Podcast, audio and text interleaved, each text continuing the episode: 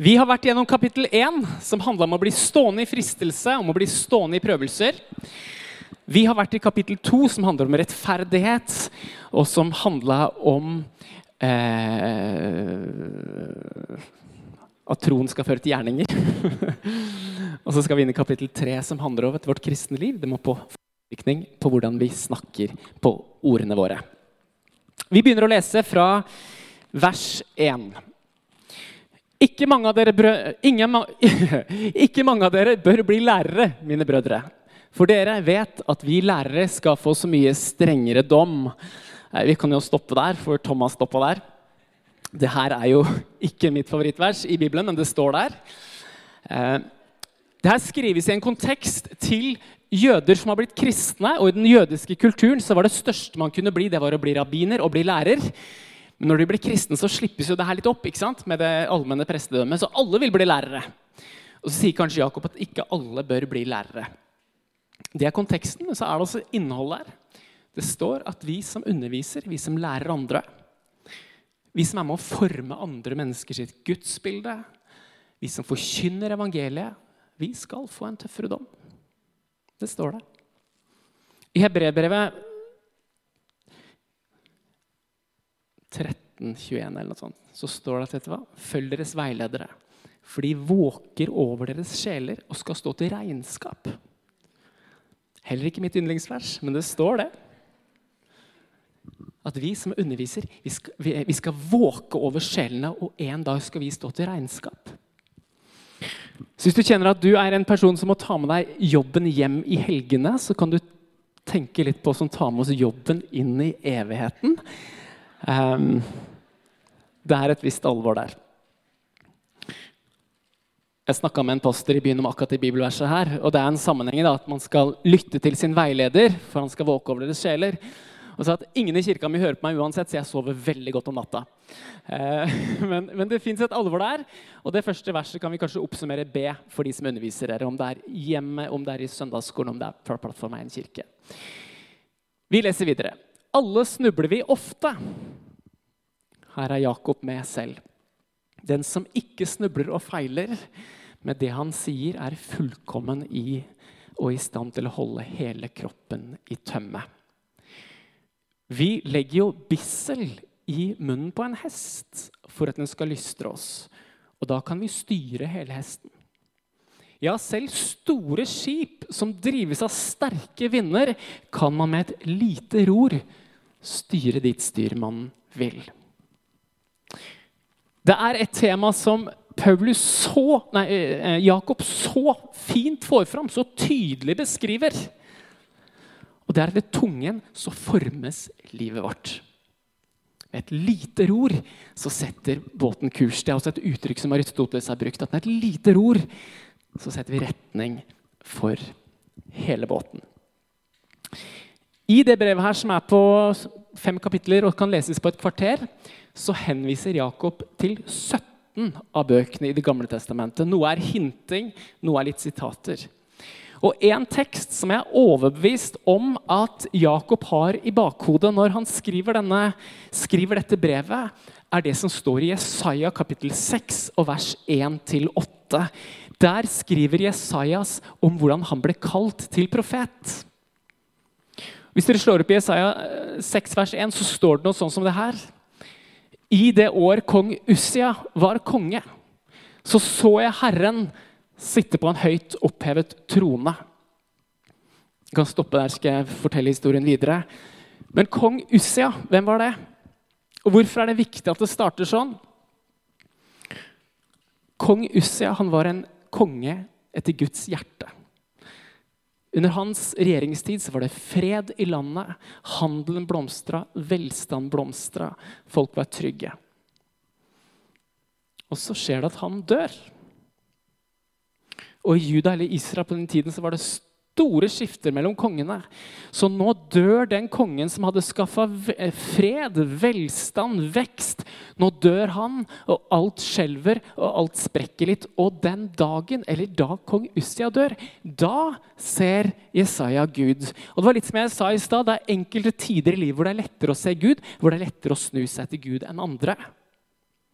Når katastrofene kommer, så fyller vi kirkene. Når det er usikkerhet, så starter vi å be. Og når vi skal dø, så ringer vi presten.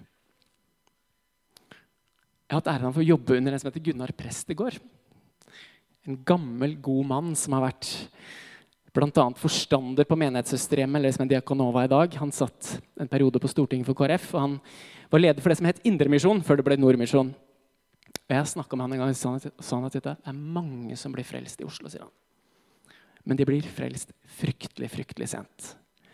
For han gikk og går fortsatt på gamlehjem, omsorgshjem, folk som ringer på han, og så får han lov til å lede dem til frelse rett før de puster ut.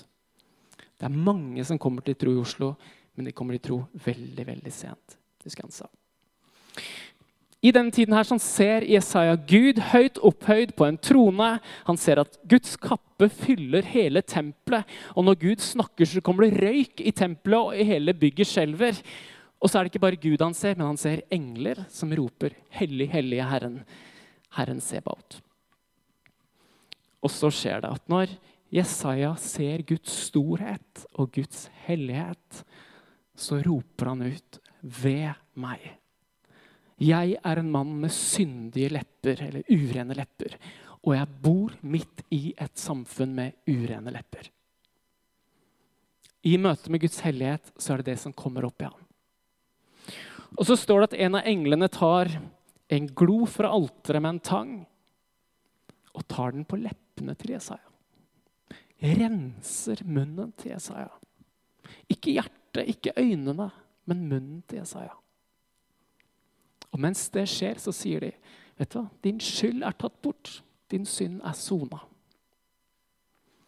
Og i det Jesaja sin munn er rensa, så hører han Guds stemme som sier, 'Hvem kan jeg sende? Hvem vil gå?' Og så sier Jesaja, 'Det er meg. Send meg.' Og så skjer det en endring i Jesaja sitt liv. Fra han får en helbreda munn, så settes det en kurs for livet hans, og han blir en profet. Fra bare å tale egne ord, så får han lov til å tale Guds ord. Hva er det å få leppene sine helbreda eller gjort hele? Hva er det for noe? Jeg tror at vi snakker i munnen på Gud, at vi avbryter Gud veldig mye mer enn vi vet om. Vi snakker ut fra våre følelser, vi snakker ut fra våre planer, ut fra våre sår. Vi snakker om våre kjepphester.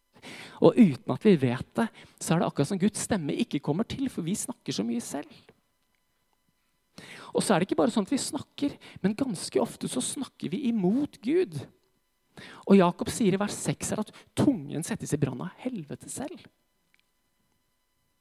Husk at når Peter ønska å gjøre ting litt sånn smooth for Jesus og, og snakka litt imot Guds hensikt, så sa Jesus 'Vik bak meg, Satan'.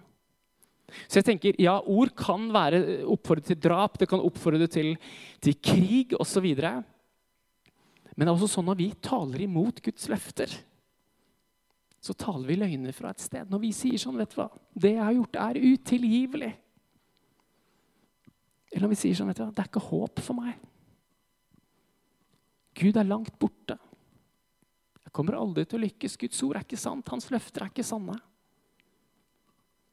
Når vi sier det, når den løgnen lever i hodet vårt, og den løgnen er på leppene våre, så klarer vi ikke samtidig å lytte til en Guds stemme. Alle som går her, vet det, men min yndlingshistorie i Bibelen er fra Dommernes bok, kapittel 6. Det handler om Gideon. Jeg skal bare lese et lite utdrag fra Guds stemme nei, fra Guds samtale med Gideon. Det er full krise i landet. Midianittene har tatt hele landet. Utarmer Israelsfolket. Det er krise. Israelsfolket gjemmer seg i huler. Alt er håpløst. Alt er forferdelig. Da viste Herrens engel seg for ham og sa til ham Herrens engel kommer til Gideon, mest sannsynlig en, en mann i slutten av tenårene. Herren er med deg, du djerve kriger. Gideon svarte han, hør på meg, Herre. Hvis Herren er med oss, hvorfor har da alt dette hendt oss? Hvor ble det av alle hans under, de som fedrene våre fortalte om? De sa at det var Herren som brakte oss opp fra Egypt, men nå har Herren forlatt oss og gitt oss i hendene på midianittene. Det første som skjer når Gud kommer, det som er på Gideons sine lepper, Det er motløshet. Det er vantro. Det er skuffelse over Gud. Så fortsetter Gud å tale. Gå og bruk den styrken du har, til å berge Israel ut av hendene på midjanittene. Det er jeg som sender deg, sier Gud. Så svarer Gideon, hør, Herre. Hvordan kan jeg berge Israel? Min slekt er den svakeste i Manasseh. Jeg er den yngste i min fars hus. Jeg er ikke bra nok. Jeg kan ikke gjøre dette. Jeg funker ikke. Prøv noen andre.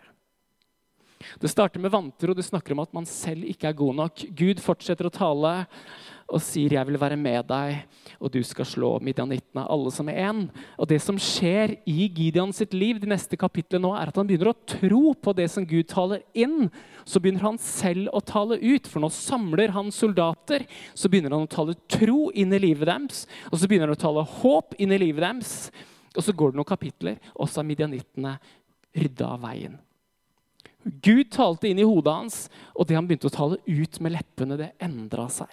Og det satte en ny kurs for hans liv. Jeg hadde lyst til at i dag ikke bare skal være en sånn gudstjeneste, men at det skal få være et litt sånn verksted.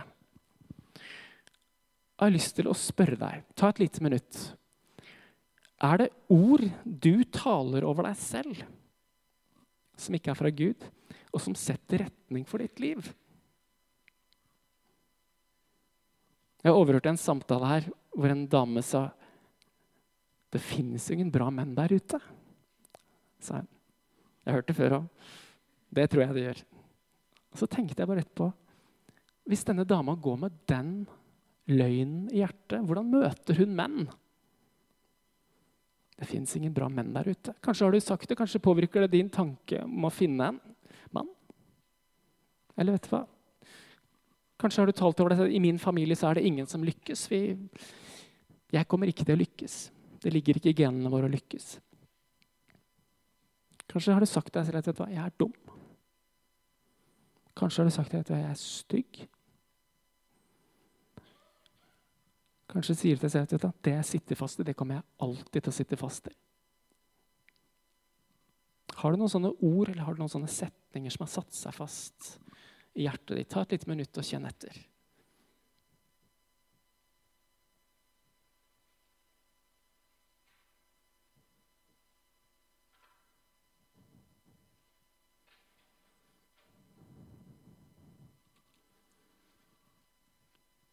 Hvis det er det, så kan du du kan få til å vende deg om fra det. Si at disse ordene skal ikke lenger få tale inn i mitt liv, for det er ikke sannhet. Vet du hva? Det er ikke bare ord. Det kan endre så store ting i livet ditt. Om du begynner å si til deg sjøl at vet du hva, Gud er for meg. Vet du hva, Gud har nåde for meg. Jeg kommer til å lykkes. Han vil meg mitt beste. Gud har jo skapt meg fantastisk. Jeg har evner. Vet du hva du sier med leppene dine, det påvirker livet ditt. Det setter kurs for livet ditt. Jeg skal si noe om at det er liv og død i tungen. Vi leser videre. Da har vi vel kommet til vers 7, tror jeg. Alt i naturen, både ville dyr og fugler, krypdyr og fisk, kan temmes og er blitt temmet av mennesket, som selv er en del av naturen. Men tungen makter ikke noe menneske å temme. Skiftende og ond som den er, full av dødbringende gift. Med den lovpriser vi vår Herre Far, og med den forbanner vi mennesker som er skapt i Hans bilde. Fra samme munn kommer det både lovprisning og forbannelse. Slik må det ikke være, mine søsken. Strømmer vel friskt og bittert vann fra samme kilde. Et annet ord som Jakob kanskje hadde i bakhodet når han skrev det brevet her, eller skrev om denne tematikken, her, er det som står i ordspråkene 1821. at dette, i tungen har makt over liv og død. Det er et voldsomt uttrykk. Tungen har makt over liv og død. Tenk at alt det livet du ser, hele verden er skapt ved ord. Gud talte ut, så ble det liv. Og så kan vi lese i Guds ord at Jesus går forbi et fikentre og forbanner det treet, og det treet dør. Tungen har makt over liv og død, og vi ser det i verden akkurat nå. Ord kan skape krig. Ord kan skape kriser, mørke, død, drap. Og så skal jeg en hvile som ikke lenge. Ord kan sette ord på kjærlighet, på trofasthet, kan skape vennskap. Ord kan skape splittelse i en vennegjeng, eller det kan føre sammen. Ord kan baktale og radbrekke et menneske. Ødelegge ryktet til et menneske for alltid. Eller det kan få løfte opp mennesker. Vi vet det alle sammen. Det er liv og død i ord. Og Derfor så teller ord så veldig for Gud. Og Jeg har lest litt den, denne uka her. Det er nesten sånn Gud er veldig opptatt av ord.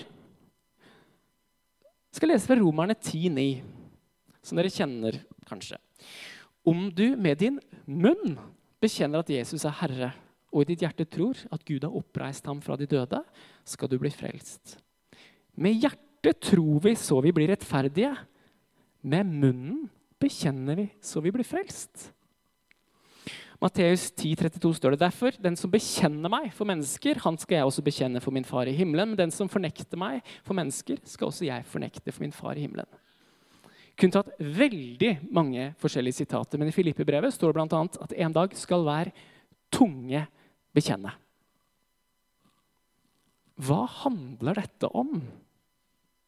Hvorfor er ordene våre så viktige at vi blir frelst ved dem? Selvfølgelig så handler det om at det som hjertet er fylt av, det taler munnen. Munnen henger ikke sånn helt i løse lufta, men den er kobla på vårt indre. Så det som vi er fylt av, det taler munnen, og det er jo ikke helt uviktig. Jeg gikk inn i, sånn, inn et sånn trangt heisrom for ikke lenge siden, og så kommer det inn en som har vært ute og røyka, hatt røykepause. Og så kjører vi oppover, og om han vil det eller ei, når han sier noe, når han puster, så kjenner vi jo røykelukta. Og sånn er det med oss når vi kommer inn i et rom, så kan vi enten så siver det negativitet, vantro, håpløshet ut. Vi klarer ikke å skjule det. Eller så er det en friskhet og det er tro som kommer ut av oss når folk møter oss. Så det handler om at hva hjertet er fylt av, det taler munnen. Men det er også sånn at å bekjenne Jesus eller sette ord på vår egen tro, det er det som fører oss inn i Guds folk. Eller det er det som gjør at vi er Guds folk. Vi er ikke kalt til å sitte på hver vår tue og tro stille i vårt hjerte og håpe at ingen finner det ut. Vi er kalt til å bekjenne. Og når du bekjenner, så gjør du det for mennesker, så det er fellesskap. Tenk på det I Gamle testamentet så kom jødene sant, fra små byer, store byer, opp til Jerusalem til høytidene. Hvorfor det? For å be og tilbe, og da gjorde de det med stemme. Når vi kommer sammen her, så tilber vi, vi hører ordet, vi snakker med hverandre. Vi bekjenner vår tro. Og det er sånn vi blir en del av Guds folk. Det er en identitetsmarkør for at vi tilhører Guds folk, at vi bekjenner vår tro foran andre mennesker. Men så er det én ting til jeg også har lyst til å nevne. Og det er sånn for, for, oss som tror på og praktiserer baptistisk dåp, eller det vi kaller tronesdåp, så løfter vi gjerne fram fire elementer vi sier at å døpe seg det er en god samvittighetspakt. Det handler om vårt hjerteforhold til Jesus Kristus. Og så snakker vi om at det handler om å begrave det gamle og bli reist opp til et nytt liv. Og så snakker vi om at dåpen også er eh, inngangen til kirka. Her blander vi korta ganske mye, alle sammen. Men i gamle dager i hvert fall, så var det sånn, når jeg ble døpt, eh, så fikk jeg medlemskortet til kirka, og det var på en måte et signal på at nå tilhører jeg Philadelphia Hamar. Så la de hendene på meg og ba for meg. Men så fins det også et fjerde element, og det er at dåpen er en bekjennelse. Det er en offentlig handling hvor du bekjenner til de som er til stede i salen, at 'jeg vil følge Jesus Kristus'. Men det er også en bekjennelse for makter og myndigheter. Du viser en åndelig verden hvem du tror på. Så når vi bekjenner hvem vi tilhører, hva vi tror på, så sender vi ord ut i atmosfæren, og ordene våre har evig liv. Så de henger der i lufta. Det er derfor vi kan lese Jakobs brev 2000 år etterpå. Så når vi bekjenner vår tro, så er det sånn at fienden vår, djevelen vår, han kan påvirke tankene våre. Han kan rote til tankene våre, men det står ikke noe sted at han kan lese tankene våre. Han ser hva vi sier, han ser hva vi gjør. Så når vi taler ut at vi tilhører Jesus Kristus, at vi tror på ham, at vi er rensa i hans blod, så hører han at dette mennesket tilhører Jesus, og jeg har ingen del i ham. Så når vi bekjenner, når vi synger sanger kjempelenge i denne kirka, her, så slynger vi også ut ord inn i atmosfæren som varer i all evighet. Derfor er ord så viktig. Men det er ikke bare en åndelig side ved det også heller. Vi vet at, eller Han skriver at ordene våre bringer med seg dødelig gift, eller kan bringe med seg dødelig gift. Og Bildet han tegner, det er at ordene våre er sånne konteinere eller bokser som enten inneholder ord som bygger vekst, eller som ødelegger, eller som bygger opp. Ord som eksploderer og bygger opp, eller som eksploderer og skaper ødeleggelse. Og det har vi også alle erfart i relasjoner, i situasjoner. Jeg og Anita vi traff hverandre når vi var 13 år. eller jeg var, ja, 13 år. Hun kom til Hamar, der jeg bodde. Og så forelska jeg meg som 13-åring.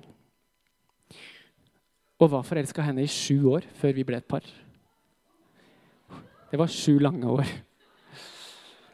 Og det er helt sant. Og det tar meg nå hvor utrolig forelska man kan være som tenåring. Utrolig forelska man kan være som tenåring. Hvor lidenskapelig og intenst det var. Men eh, var Er, mener jeg selvfølgelig. All the time. uh, vi var superforelska. Vi blir sammen, svever på skyene. Det er helt vanvittig. Vi har alt felles. Vi har de samme vennene. Vi lever for Jesus. Det er helt fantastisk. Og så gifter vi oss. Og så finner vi ut at vi også har noen evner som vi ikke visste om før vi gifta oss. Vi hadde gode evner til å krangle. Kjempegode evner til å krangle. Jeg kunne irritere henne i hjel med ord, og hun har ganske sterkt temperament. Og mer enn det skal ikke til for å få til å krangle. Um, så de første årene vi er gift, det er ikke noe vi fryder oss over. eller sånn. Men vi kan snakke om det i dag. De første årene vi var gift, så krangla vi innmari mye. Hvis du krangler, ingen krise. Men for oss er det veldig godt at den perioden er over. Det som var Når man krangler, så, så evner man jo, eller vi evna å be om tilgivelse og si unnskyld, og dagen fortsetter. Og Det verste er jo ikke å ha krangla, men det verste er jo de ordene du har sagt når du har krangla. I hvert fall av og til når du har dratt på voldsomt når du har krangla. Så kan man si unnskyld, og så må noen på jobb. og så tøtta ta, ta. Men så de ordene som har evig liv, de ligger jo der. Fulle av gift. Så hva gjør vi da?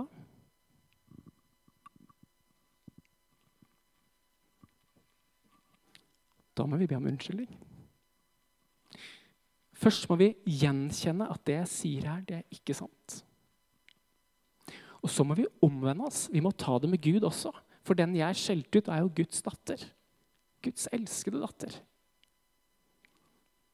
Så kan jeg omvende meg for Gud, og så kan jeg be om tilgivelse. Og så kan giften fra de ordene falle til bakken. Så hvis du har sendt sånne ord, så går det an å tømme de ordene for gift. Ved å omvende deg til Gud og be om tilgivelse. Kanskje har du mottatt sånne ord. Kanskje sitter du nå og er bærer av giftige ord som du har fått fra en far, som du har fått fra en ekskjæreste, som du har fått fra en eksvenn. Noen ord som bærer med seg gift, og som bevisst eller ubevisst herjer litt med følelseslivet ditt, herjer litt med tankelivet ditt.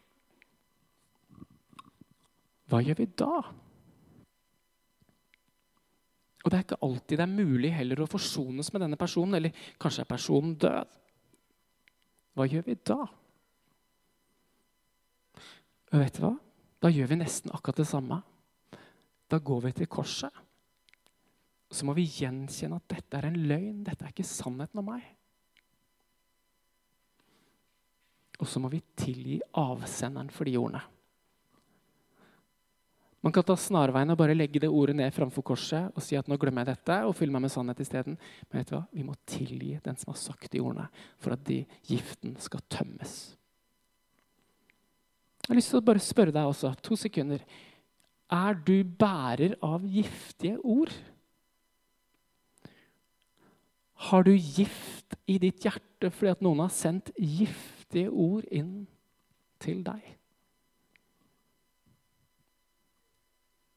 Eller har du sendt giftige ord som står og lager død, står og skaper spetakkel i et annet menneskes liv?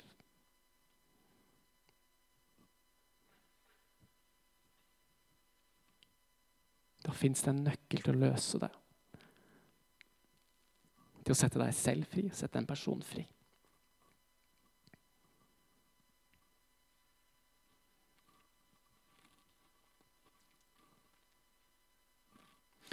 skal avslutte med et siste vers. Så når dere merker det som er lest, så tar jeg meg friheten til å være i den siste halvdelen av kapittelet. I kapittel 3, vers 5, så står det Ja, en liten ild kan sette den største skog i brann.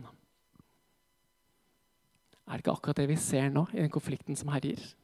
At noen ord kan sette et land kan sette et kontinent i brann. Bare har mikrofonen i hånda. vet du hva? Vi må be for den situasjonen som er. Vi må holde det oppe i bønn.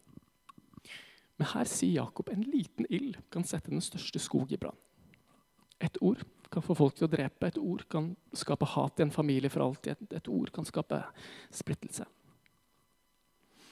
Men jeg har lyst til å ta meg friheten til å snu det rundt og si at dette var en liten ild kan sette en skog i brann på en fantastisk god måte. Det her har Jakob sett. vet du. For ilden i hjertene på disse disiplene, disse enkle menneskene, hadde jo sett satt Jerusalem på hodet. Den ilden de bar med seg, hadde jo satt Jerusalem, Judea, ja, hele den kjente verden på hodet. Den ilden de bar med seg, skapte ringvirkninger. Skapte ringvirkninger. Denne uka her sånn, så snakka jeg med en som heter Petter, som kom til tro for et og et halvt år siden. eller sånne ting. Han bor et stykke unna, så det er ikke ofte han er på møter her. Men han hadde vært ute og skata i en park, og så var det noen her jeg skal ikke si navnet deres, jeg, dere var flere, jeg husker ikke akkurat den som var der. Men noen her i kirka bar en brann. Begynner å snakke med denne langhåra skateren som ikke kjenner Jesus. Spør om de kan få legge hånda på ham, og han blir fylt av Den hellige ånd, og livet hans er snudd på hodet. Jeg snakka med denne uka her. Han går fortsatt rundt og er svimmel av at livet hans ble snudd på hodet. Jeg vokste opp i en, en menighet som som levde i ringvirkninga av at en mann som het Ludvig Carlsen ga livet sitt til Jesus. En tidligere narkoman, alkoholiker, som ga livet sitt til Jesus. Og i etterdønningene, eller ringvirkningene av hans liv og hans omvendelse, så var det hundrevis, spesielt fra det reisende folket, som kom til tro. Så Det mest spennende i kirka vår på den tida, det var når det kom folk det lukta litt røyka, som kanskje var ørlite berusa, som kom på de møtene og ga livet sitt til Jesus. Det fikk jeg lov å vokse opp i å se. Én manns liv sendte sjokkbølger, ringvirkninger, så vidt ut. Vet du hva? Det er en så stor oppmuntring som vi skal ta med oss. Det er en mulighet, det er en bibelsk sannhet. En liten ild kan få spre seg. Og uka som var, eller Forrige uke så hørte jeg et sterkt vitnesbyrd om akkurat det her. Jeg lurer på, Henriette, kunne ikke du kommet opp og delt det vitnesbyrdet som du delte med meg eh, for noen dager siden? Henriette Drangsland.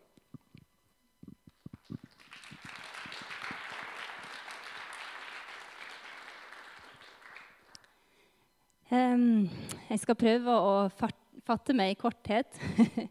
Eh, det er ikke mitt vitnesbyrd, men det er en arbeidskollega av meg. Eh, han eh, kom til Norge for ca. 20 år siden fra Afghanistan som flyktning. Vokste opp i et muslimsk miljø. Familien, både han og kona. Etter han kom hit til Norge, så møtte kona Jesus i en drøm. Og to uker etterpå så møtte Jesus han i en drøm. Og så har de fått lov til å, å vie livet sitt til Jesus og leve med Jesus. Eh, også i høst så var det egentlig en trist hendelse der han mista sin unge nevø. Eh, I den begravelsen til han unge nevøen så skulle han bare enkelt eh, be for maten. Så kommer Den hellige ånd over han. Og den bønna den åpna opp alle de 50 muslimene som var til stede i den begravelsen sitt hjerte. Eh, han fikk lov til å dele den kjærligheten som Gud som far er, inn i deres hjerte. Og han sier til meg jeg ba i ti minutter, Henriette. Det er ganske lenge å be for maten. Men etterpå så er det da den, eh, det du har snakka om. Det har satt en brann. Eh, og pappaen til han som eh, mista sønnen sin, eh, han kom bort og sier, 'Kan du fortelle meg mer om dette her?' Kan du, kan du komme på besøk til oss? Og så reiser han hjem til deg. Og så er det mammaen hans, og så er det barna hans, og så er det den nye kona hans. Og så sier de, 'Vi vil ha det du har'. Vi vil høre om den kjærligheten som du har. Og så forteller han videre for eh, en tid tilbake så hadde han vært på sykehus. Han hadde vært alvorlig syk. Han var innlagt på sykehus. Ehm, og eh, han så som eh, en åpen visjon at det kom inn tre menn i rommet hans. Det var først to mørkkledde menn som bar med seg et veldig mørke. Og så sier han at de kommer inn en lyskledd. Dere må huske på at Da var han fortsatt en muslim. Så han trodde det var Mohammed som kom på besøk. Og så sier han at Men nå skjønner jeg hvem som kom inn i rommet og helbreda meg. For han gjorde sånn, sånn med hendene sine. Og det var en mann som hadde hull i hendene. Det var Jesus. Så hadde han fått gitt livet sitt til Jesus. Og så stoppa ikke det der. Så fortsetter det. Så fortsetter det, og så fortsetter det. Og så er det bare en liten anekdote som jeg har lyst til å ta med. Og det var at eh, Min pappa var på besøk her nå idet dette her hadde starta. Og så forteller han historien til min pappa. Og idet han forteller historien til min pappa, som bor da på Sunnmøre, så sier min pappa på 77 år vi skal ta vare på de nyfreste muslimene her i Oslo. Vi skal gå i forbønn for de 18 som har tatt imot Jesus. Jeg og min bønnegruppe vi skal stå i bresjen og be for deg og be for deg og be for deg. Og nå teller det 68 stykker dere som har tatt imot Jesus.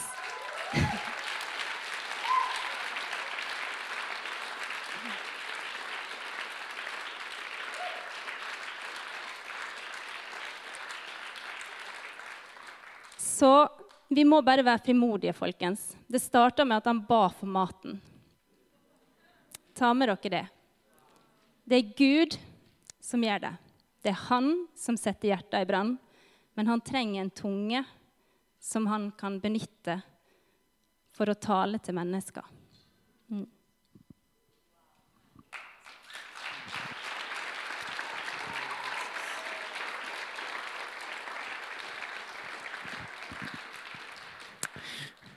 Det her skjer i byen vår, på Stovner. Fantastisk. Skal vi reises opp? Gud er ute etter munnen vår, ute etter ordene våre. Og jeg tror at noen skal få til å legge fra seg ord som har blitt talt over livet, som man selv har begynt å tale over sitt eget liv. At man skal få til å legge de døde og vende seg om fra de ordene nå i kveld. Jeg tror at noen her som har sendt giftige ord, eller mottatt giftige ord, skal få lov til å legge de døde ved korset i kveld. De tingene her former livet ditt. Former de mer enn ett år ekstra utdannelse eller hvor du flytter og hvor du bor. Disse tingene former livet ditt. Kanskje skal vi også bli minnet om hvilke brann er det vi skal tenne på. Hvilke folk er det som vi kunne få tenne på? Jesus. Vi har forbedret til stede bak der i dag.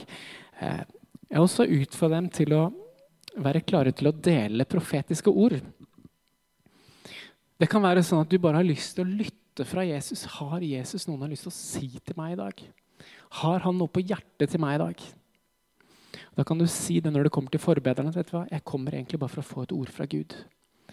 Så er det mennesker der som vil lytte, og som vil gi det de får fra Gud.